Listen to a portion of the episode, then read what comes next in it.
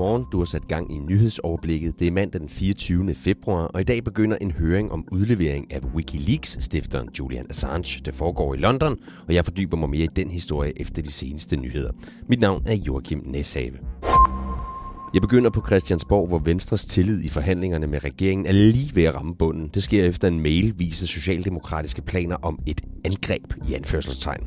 Lige nu forhandler de to partier ellers om en omfattende reform af kommunernes økonomi, skriver Jyllandsposten. Avisen har set mailen, hvor angrebet eksempelvis går på, at finansministerens personlige rådgiver skal finde historier på Venstre på baggrund af svar fra forhandlinger og andet lyder det.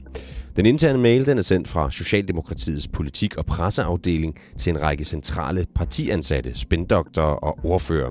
Og det har skabt farvelse hos Venstres politiske ordfører Sofie Løde, der fortæller, at partiets tillid til Socialdemokratiet er nær nulpunktet. Jeg synes, det er dybt bekymrende og i sidste ende uansvarligt over for borgerne i Danmark, at den socialdemokratiske regering kører et fordækt dobbeltspil og der er også andre områder, hvor regeringens politiske kolleger er utilfredse. Radikale og enhedslisten lægger nemlig pres på klimaminister Dan Jørgensen for at få gang i forhandlingerne om en klimahandlingsplan. Enhedslisten tror ifølge Berlingske endda med at vælte ministeren, hvis ikke der snart bliver sat gang i processen. Et bredt flertal i Folketinget blev for godt tre måneder siden enige om en klimalov, hvor Danmark inden 2030 skal arbejde for at reducere CO2-udledningen med 70 procent.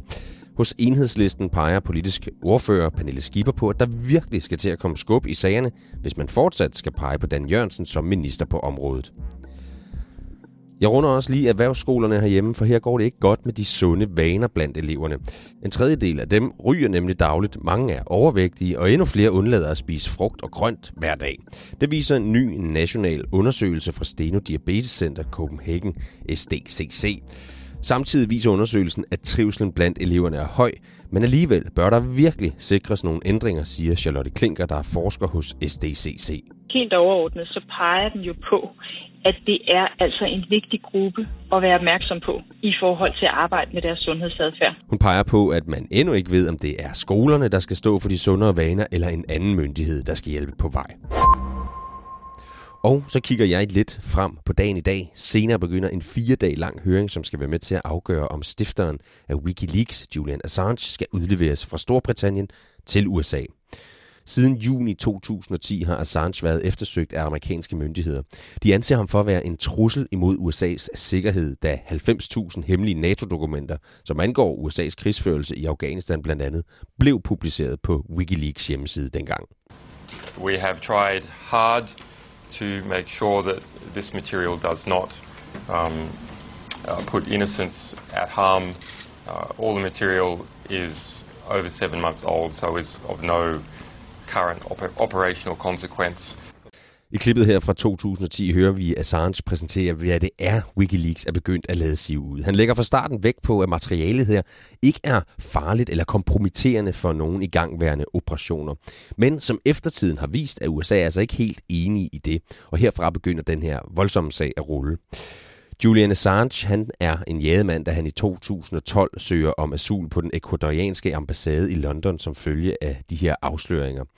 Bygningen her bliver dermed et diplomatisk helle for ham, og han forlod den ikke i næsten syv år før den 11. april sidste år, hvor han blev anholdt af britisk politi. Siden har han siddet fængslet i England, og han har dog i perioden delt vandene. Mens USA har jagtet ham, har flere ytret sin støtte til manden, de kalder beviset på ytringsfrihed. Blandt andre John McGee, som får en retten i London tilbage i januar, sagde sådan her. He is the acid test for the future of free speech in the world. It's simple. It's very simple. If he goes, if he disappears, so does free speech. Ifølge anklagerne har Julian Assange risikeret alvorlig skade mod USA. Assange har blandt andet bragt fortrolige kilder for de amerikanske styrker i potentiel fare, lyder det. Nu venter så høringen i den retssag, der kan ende med at sende ham i hænderne på USA, og dermed en sandsynlig fængselsstraf, lyder det. Det er også dagen, hvor ankesagen om udsmidning af et forældrepar fra deres bolig finder sted i Østre Landsret. Det var i første omgang det almene boligselskab FSB, der valgte at ophæve familien til bandeleder Shuaib Khans lejekontrakt. Udsmidningen var en direkte konsekvens af, at sønnen en sommernat i 2017 troede en betjent i forbindelse med en visitation på Blågårds Plads på Nørrebro i København. Den sag endte nemlig med tre måneders betinget fængsel og dermed en straf til forældrene, fordi Shuaib Karen havde adresse hos dem. Forældrene her kæmper for at få lov at blive boende i deres bolig. I juledagene for nylig gjorde den her debat så faktisk aktuel igen. Store problemer med fyrværkeri, særligt i de københavnske bydele, gjorde, at politiet var nødsaget til at advare mod udsmidninger af forældre, fordi unge var ude af kontrol. Det skete i forbindelse med den her fyrværkerikrig, som fandt sted i Københavns gader, og som i flere tilfælde gik rigtig hårdt ud over tilfældige forbipasserende. Derudover så byder den her uge på uddeling af fodboldpriser. Dem kommer DBU nemlig til at afsløre hele ugen. I dag bliver årets dommer, årets fodboldklub og årets en del af noget større, blandt andet kåret. Og på lørdag kulminerer det hele i et awardshow. Københavns Byret skal i dag godkende en udlevering af en lettisk kvinde. Hun er fængslet, fordi Sydafrika har begæret hende udleveret i forbindelse med en straffesag. Nu er hendes eget land dog kommet hende til redning og har bedt om at få hende hjem, så hun ikke bliver sendt til Sydafrika. USA's præsident Donald Trump han skal ind i flyveren og afsted mod Indien. Det er første gang, det sker, mens han er præsident. Formålet med hele besøget er at styrke samarbejdet mellem de to kæmpe lande. Vejret byder først på nogle sol mange steder. I løbet af dagen bydes der dog op til regndans. Der kommer nemlig skyer og regn med risiko for slud eller tøsne. Temperaturen den lægger sig omkring 6 grader med svag til jævn vind. Jeg hedder Joachim Neshave, og jeg ønsker dig en god dag.